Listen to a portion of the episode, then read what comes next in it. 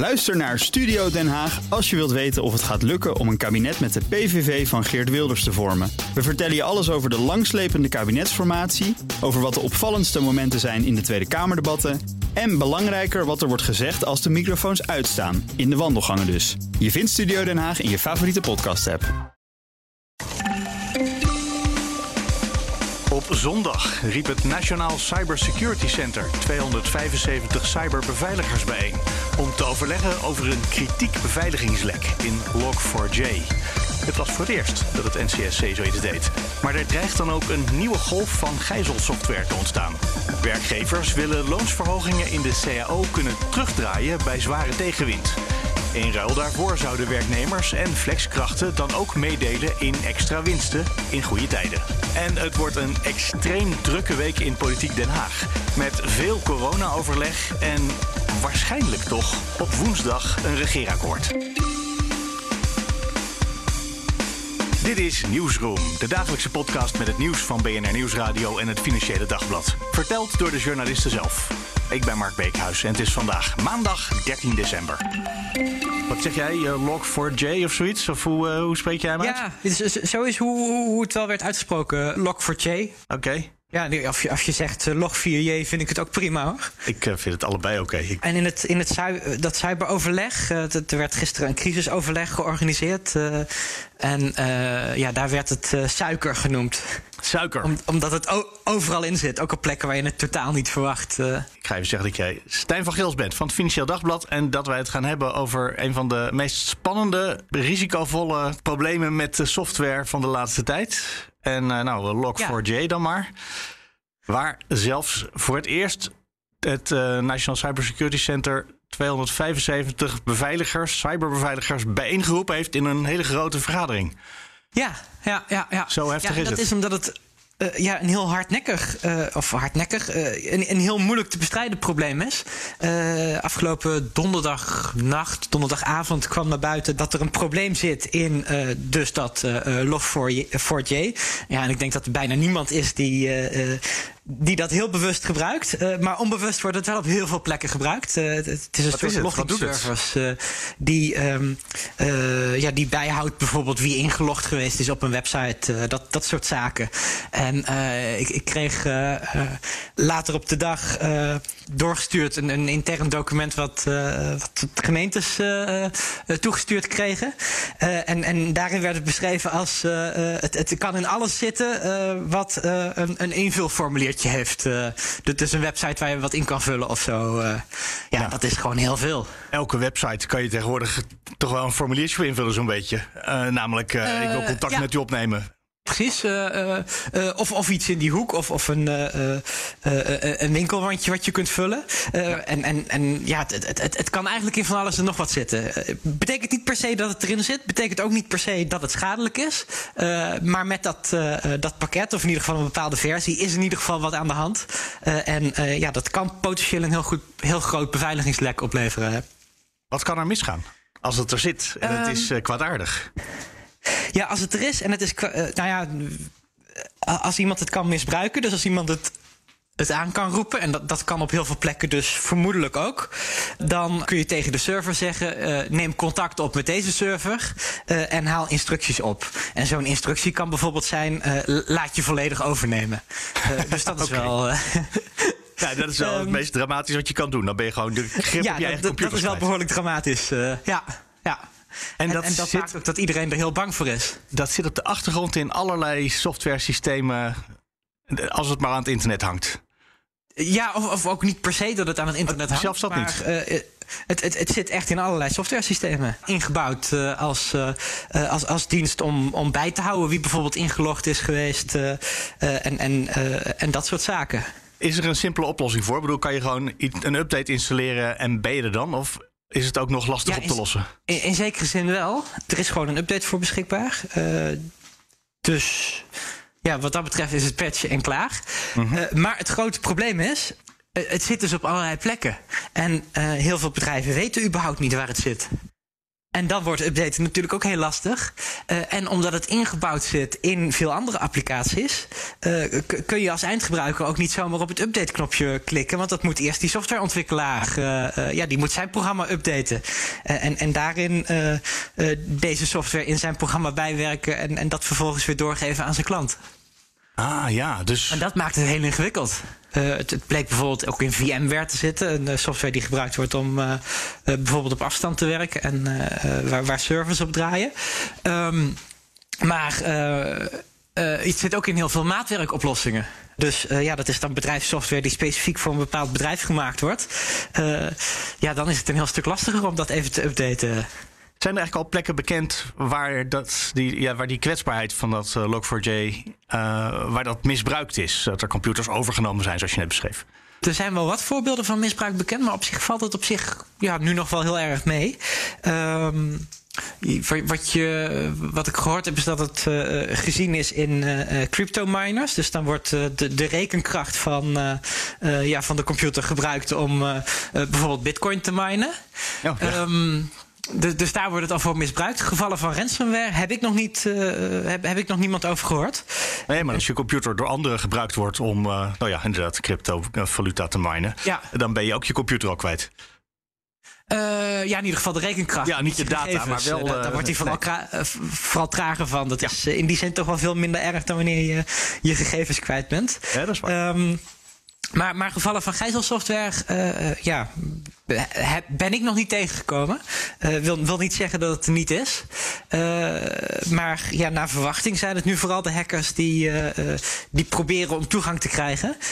en die dan vervolgens een achterdeurtje inbouwen. en, en dan vervolgens hun, ehm, ja, die informatie weer verkopen aan mensen die gespecialiseerd zijn in het versleutelen van systemen. Ja. Is dit eigenlijk iets wat, wat alleen bij bedrijven draait? Of zit, kan dit ook in mijn laptop thuis zitten?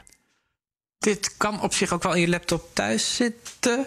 Ja, ligt er een beetje aan wat voor software dat je precies draait. Nee, uh, dan, dan kan, zou dat erin kunnen zitten als je dat thuis doet. Het zit gewoon op heel veel plekken. En, en het is ook helemaal niet bekend waar het precies wel en niet in zit. Oh dus dat, uh, dat maakt het ook nog lastig. Maar thuis zou ik me eigenlijk niet zo'n zorgen maken. Omdat uh, het, het, is vooral kwalijk voor, voor webapplicaties. Die ook echt vanaf het internet bereikbaar zijn. En jouw thuiscomputer is niet direct vanaf het internet bereikbaar. Dus de kans dat, dat een thuiscomputer geraakt wordt is, ja, is heel klein.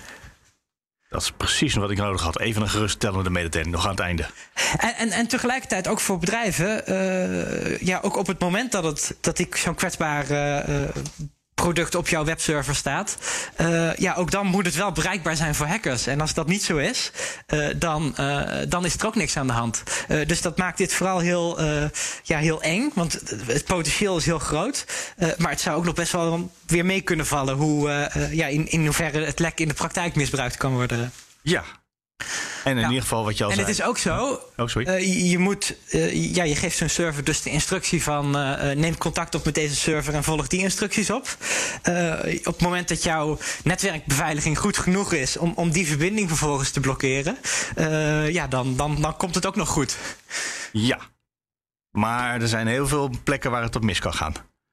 Uh, er zijn plekken waar het op kan gaan. Uh, absoluut, absoluut. Ja. ja. En, en dat maakt ook dat, uh, ja, dus, dus gisteren voor het eerst.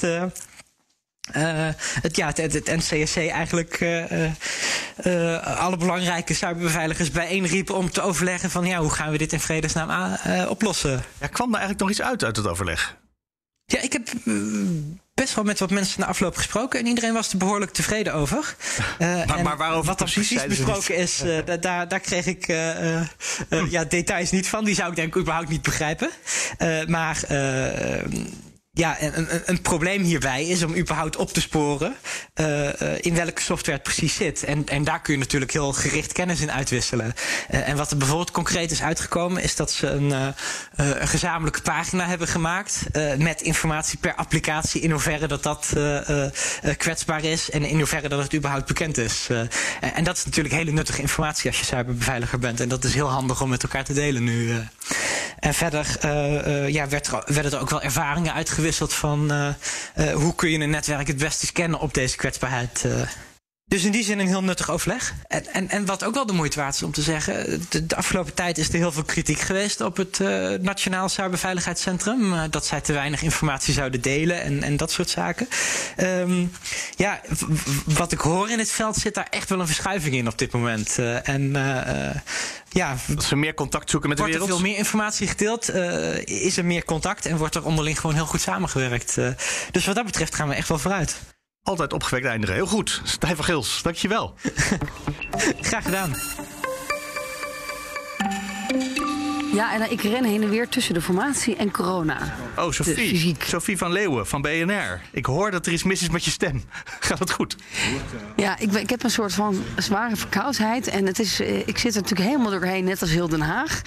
Dit is de laatste week voor het reces. En ik ben mijn stem dus aan het kwijtraken. En ik, ik wil moet niet met je praten. Ik ben zo bang dat hij dan, als het coalitieakkoord er ligt, dat ik dan niet meer kan praten. Oh jeetje. Nou, dan moeten we het, dus kort, het houden. Ja. en, uh, ik, ik, heb wel gember gedronken net en ik doe alles om, uh, om hier doorheen te komen. Nou, niet te hard praten dan maar even. Doe maar, uh, doe maar kalm.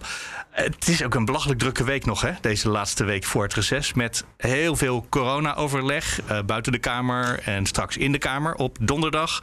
Uh, morgen persconferentie. En ondertussen wordt de laatste hand gelegd aan het regeerakkoord. Moet de formatie deze week rondkomen? Wij hadden gedacht. Het coalitie. Akkoord, ja. ja. Ik hoor ja, ik zeg regeerakkoord, om, omdat ik steeds meer hoor dat het toch gewoon één document wordt en dat het niet een coalitieakkoord wordt met daarachteraan nog eens een keertje een verklaring van de regering hoe ze het gaan uitvoeren. Ja, dat zou kunnen, of, of een beetje half. Maar er moeten gewoon heel veel toezeggingen worden gedaan hier in het logement waar ik nu voor sta. Dat is het formatiekantoor van Koolmees en Remkes. Het is hier nu heel druk, want ze zijn vanochtend om half tien begonnen. Maar het gekke is, Rutte en Hoekstra zijn er nog niet. Zouden die een onder onsje hebben samen nog van we gaan ze nog even lekker pakken vandaag op de laatste dag. Um, Kaag zit hier wel binnen, Gert-Jan Segers en de secondanten.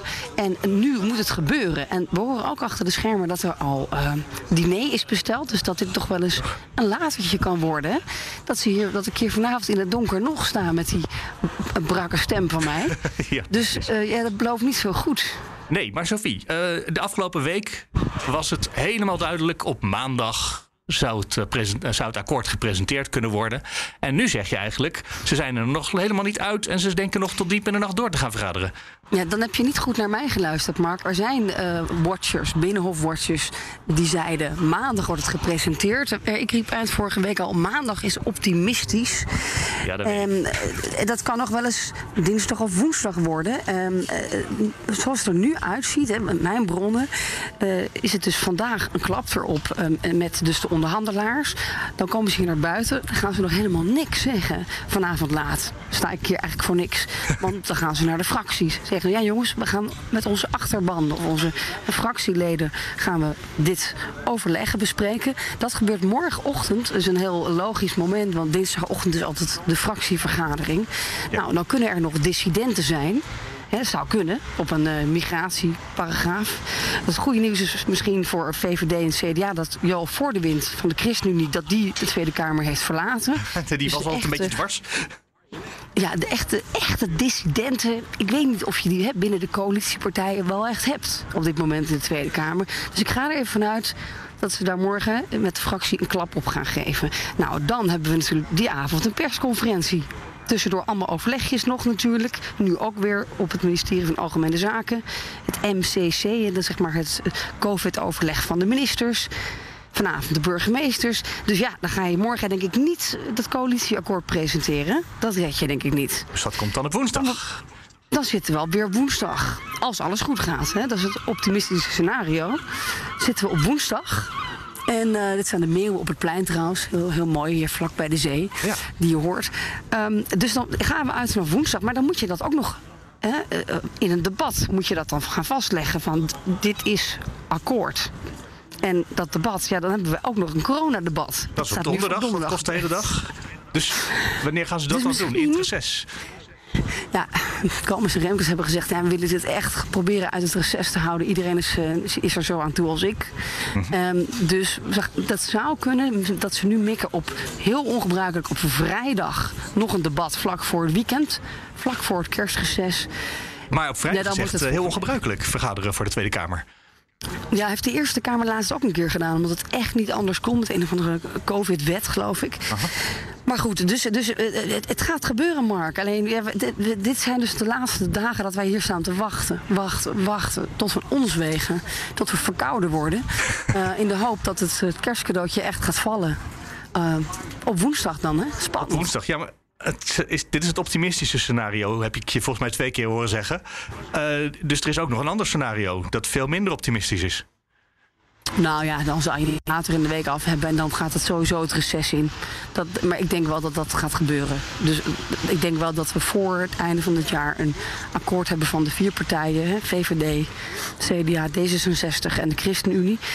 Dat, dat gaat gewoon gebeuren. En eh, hebben de kerstboom al gezien. En die staat klaar. Die wordt op dit moment opgetuigd in de Tweede Kamer. Ik liep er net langs met grote rode, hele mooie ballen erin.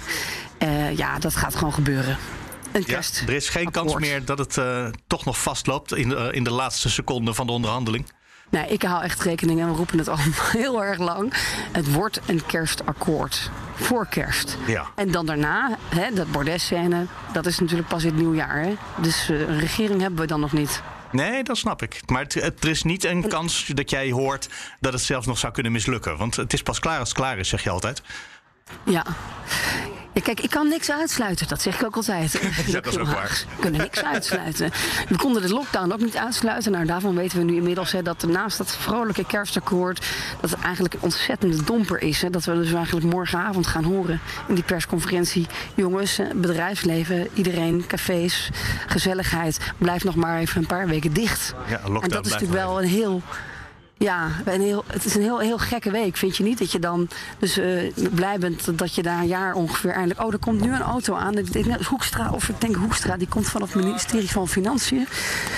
Die eh, meldt zich eindelijk bij de formatie. Ik ga even hengelen. Luister je even mee? Ja, En, en ik, ik, ik denk dat we het allemaal gaan missen, toch? Dit?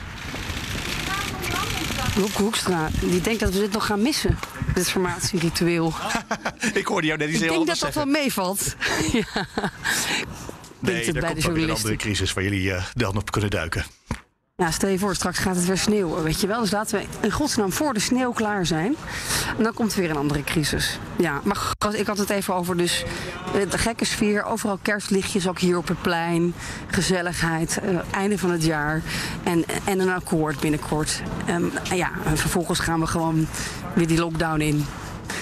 En dat Ja, is wel heel treurig, vind je niet? Ja, wat zullen we er eens aan doen? Want die, die, eh, die lockdown, dat is gewoon een kwestie. Als iedereen netjes anderhalf meter afstand houdt, ook jullie daar, als jullie staan te hengelen rond zo'n minister, zo'n minister. Ja, dan eh, afstand houden helpt, hè? Ja, dat zegt Hugo de Jonge ook altijd tegen ons. Nou, ik ga mijn best doen, maar... eh, Ik, weet dat het heel moeilijk is. Oké, Sophie van Leeuwen, spaar je stem nog even, zodat je vanavond ook weer vragen kan stellen als ze naar buiten komen. Ga ik doen. Dank je. Hallo, Rick Winkel van het Financieel Dagblad. Dag Mark, goedendag. Je zegt dat met een zucht. Ja, nee, ik, ik denk de hele tijd moet ik goedemorgen zeggen, maar dan, dan Nee, denk ik, oh eigenlijk nee, het, is een, het, het komt pas later online. Dus dat is onzin. Ja. dus- En eh, het- het- het- er zijn mensen die s'nachts luisteren, maar ik denk dat die toch accepteren als wij goedemorgen zeggen. Even het goed. Nou, vooruit. De AWVN, de werkgeversclub, die wil dat CAO-lonen, die natuurlijk bij elke volgende CAO een paar procent omhoog gaan, dat die misschien in moeilijke tijden teruggedraaid kunnen worden. Dat is iets wat ze af en toe voorstellen. Het staat vandaag redelijk prominent in de krant, pagina 2, 3. Wat denk je? Is het deze keer relevanter, eh, kansrijker dan eerder? Nou ja, relevant, relevant is het altijd als de grootste, eh, grote werkgeverscentrale met, eh, met iets komt. Is het relevanter Omdat we nu in een crisis zitten misschien? Nou, precies, precies. Omdat we nu eh, weliswaar in een hele rare crisis, maar toch in een soort crisis zitten. Dus ja, in het licht, in het licht van corona, waarin we hebben gezien dat door de een of andere gebeurtenis van buiten eh, dingen zomaar eh, stil kunnen komen te staan, is het, ja, is het ook misschien wel wat relevanter dan twee jaar geleden. Zeker. Even goed. De FNV, de reactie van de vakbond, laat zich natuurlijk voorspellen. Niet zo eh, enthousiast. Wat zeg ik? Die waren laaiend, schreef je. Ja, dat is, ik moet eerlijk toegeven, dat is een beetje mijn interpretatie van eh, de woorden eh, asociaal, die neem ik serieus. politiek en tekenend voor de verharde opstelling van werkgevers aan de CAO-tafel. Dus ik, dat heb ik samengevat als laaiend. Ehm, ik, ja, dat is wat de, de, de, voor de belangrijkste uh, arbeidsvoorwaarden onder uh, coördinator van de grootste vakbond, de FNV, Zakaria Bouvankatja, uh, van, deze, van dit proefballonnetje vindt. Hoe serieus moeten we het nemen? Ja, nou ja, je moet het, serieus, je moet het serieus nemen. Ik bedoel, het komt, het, het komt herhaaldelijk terug en er zit, er, zit wat, er zit wat pijn kennelijk bij die, bij die werkgevers.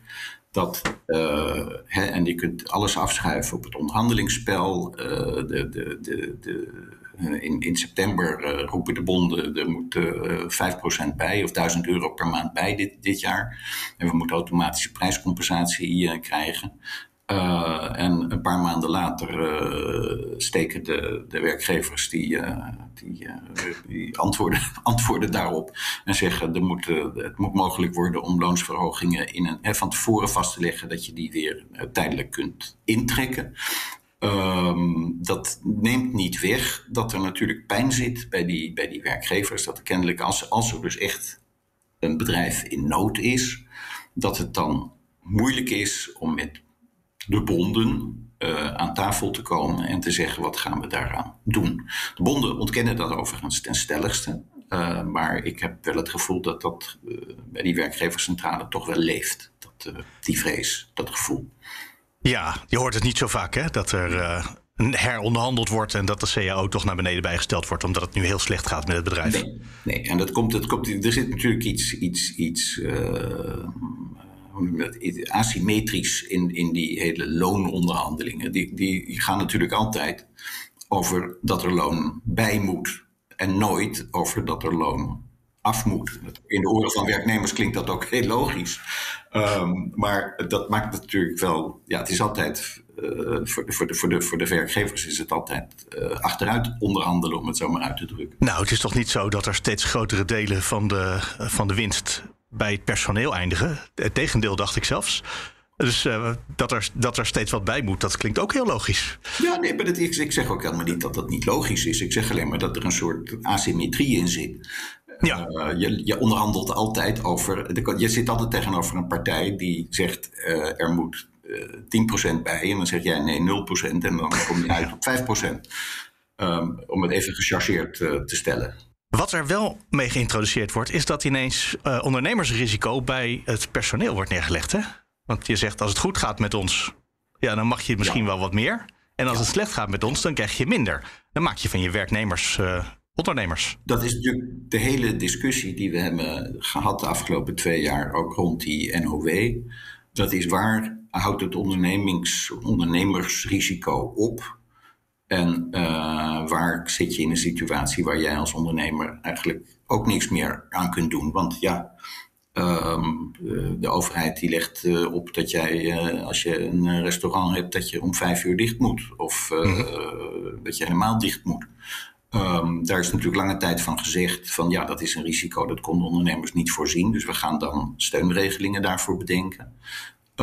aan de andere kant, ja, na twee jaar kom je ook in een situatie waarin geredeneerd wordt van ja, ook hè, als, je, als, je nu, als je nu een horecatent begint, weet waar je aan begint, richt je verdienmodel zodanig in dat je als rekening mee houdt dat, een, dat de overheid zomaar kan zeggen dat je een paar maanden dicht moet.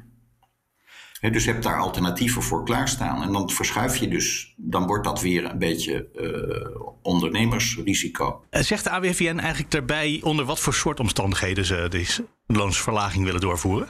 Nee, ze zeggen alleen de werkgevers moeten met werknemers, met vakbonden, uh, daar afspraken over maken. En dan, dan zeg je dus ook, ook in, in, in organisaties waar dus geen winst wordt gemaakt Hè, zoals in, eh, in uh, ziekenhuizen of zoiets dergelijks. Je kunt, je kunt een bepaalde uh, resultaat, hè, zowel aan de positieve kant als aan de negatieve kant, van tevoren als, als grens stellen. En daar ga je dan vanuit.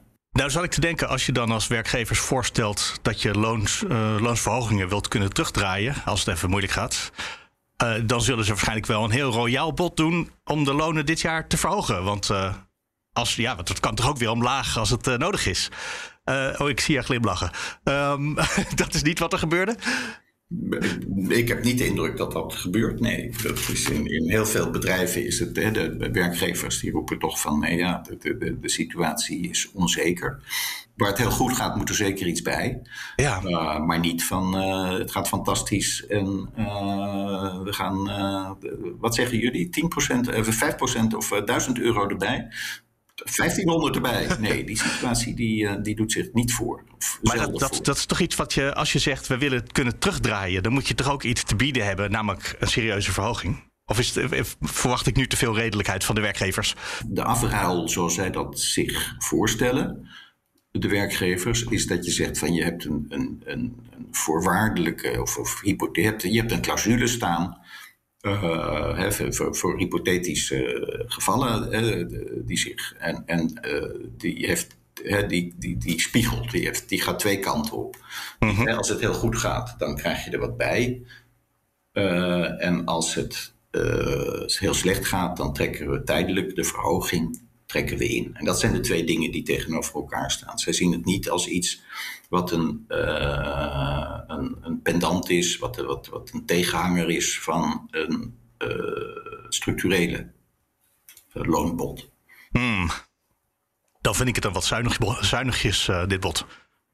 Ja, nou ja, goed, het is niet. Kijk, je hebt, en we hebben, ik, had, ik heb het de hele tijd over, over symmetrie, maar het is natuurlijk zo: je hebt een, een, een, een grote vakbond die zegt 1000 euro erbij plus automatische prijscompensatie. Uh -huh. uh, je hebt een uh, kleinere bonden die iets minder strikt erin zitten, maar er ook wel die kant op gaan. Um, en dat is natuurlijk centraal iets. En dan zegt de vakbond er wel bij van ja, in de, in de bedrijven dan hoeft het niet overal precies hetzelfde te zijn. Maar ja, bedrijven en sectoren die kijken natuurlijk toch voornamelijk naar hun eigen, hun eigen business. Ja. Die zeggen van nou, dit kan erbij en dit kan eraf. Dus ja, 1000 euro, dat is belachelijk in mijn, uh, in mijn bedrijf. Dan, ga ik, dan ga ik morgen over de kop.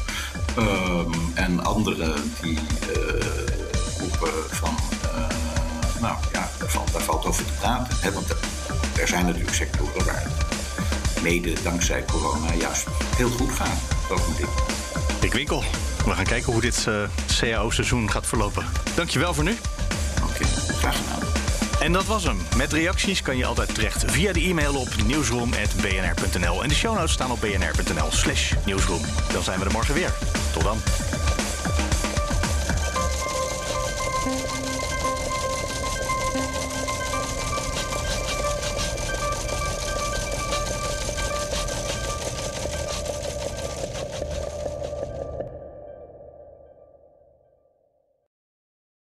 Ook Hugo Reitsma vind je in de BNR-app. Superhandig die BNR-app. Je kunt alle programma's live luisteren, breaking nieuwsmeldingen. Je blijft op de hoogte van het laatste zakelijke nieuws. En je vindt er alle BNR-podcasts, waaronder natuurlijk de belangrijkste, Boeken zijn in de wijk.